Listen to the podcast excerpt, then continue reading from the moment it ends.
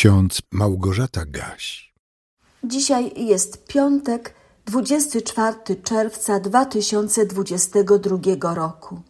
W Psalmie 19, wierszu 8 czytamy: Zakon Pana jest doskonały, pokrzepia duszę. A w Ewangelii Łukasza w trzecim rozdziale, w wierszu 10 i 11 takie odnajdujemy słowa. Pytały Jana tłumy, cóż więc mamy czynić? A on odpowiadając rzekł im, kto ma dwie suknie, niechaj da temu, który nie ma, a kto ma żywność, niech uczyni podobnie. Dzisiaj, 24 czerwca, obchodzimy w kościele Dzień Narodzin Jana Chrzciciela. I może właśnie dlatego drugim wersetem wyznaczonym na dziś jest krótki fragment z Ewangelii Jana mówiący o działalności tego męża Bożego, który jeszcze przed poczęciem był wybrany przez Boga do wypełnienia szczególnej misji.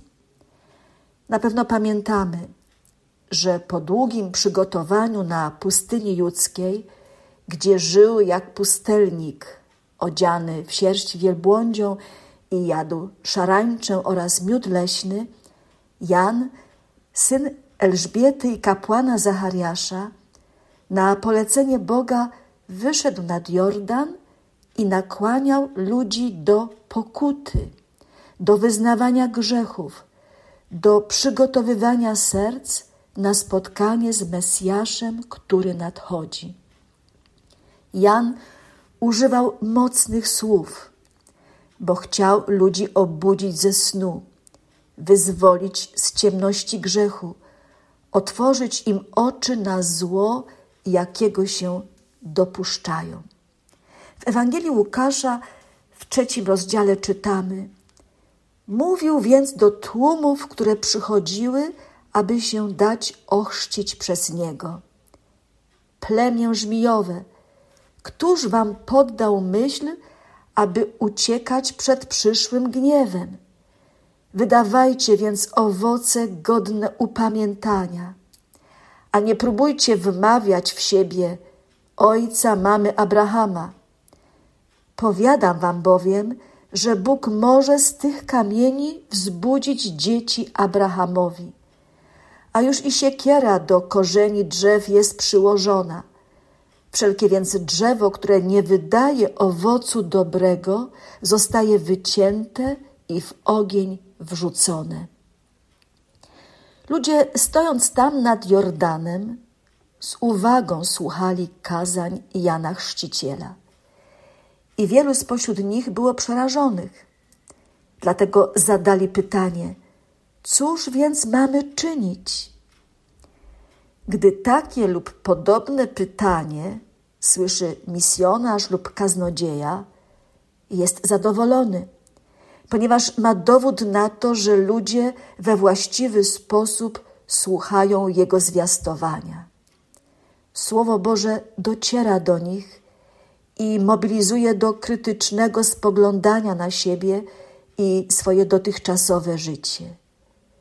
Ludzie, którzy potrzebują nawrócenia do Boga, muszą wcześniej szczerze zapytać: Co mamy teraz robić? Muszą zrozumieć, że po przyjęciu Ewangelii Chrystusowej w życiu człowieka powinny pojawić się dobre uczynki. Bo jak czytamy w liście Jakuba, wiara bez uczynków jest martwa. Jeżeli ktoś staje po stronie Chrystusa, jeżeli mówi, że rozpoznał w nim swojego jedynego Zbawiciela, to nie ma innej możliwości, jak właśnie w pokazywaniu w życiu na co dzień, że rzeczywiście Jezus Chrystus jest moim Panem i Bogiem, a ja próbuję najlepiej, jak potrafię, naśladować Go. Być chrześcijaninem oznacza być naśladowcą Chrystusa. Dlatego Jan Chrzciciel jeszcze przed pojawieniem się wspaniałego nauczyciela z Nazaretu mógł tak nauczać. Kto ma dwie suknie, niechaj da temu, który nie ma, a kto ma żywność, niech uczyni podobnie. Drodzy słuchacze, myślę, że nie muszę Wam przypominać nauki Jezusa. Wiemy, że On wielokrotnie na różne sposoby tłumaczył i pokazywał, jak należy wypełniać zakon Pana, czyli przestrzegać Bożych przykazań. A kiedyś podsumował to jednym krótkim zdaniem: Wypełnieniem zakonu jest miłość. Miłość do Boga i bliźniego.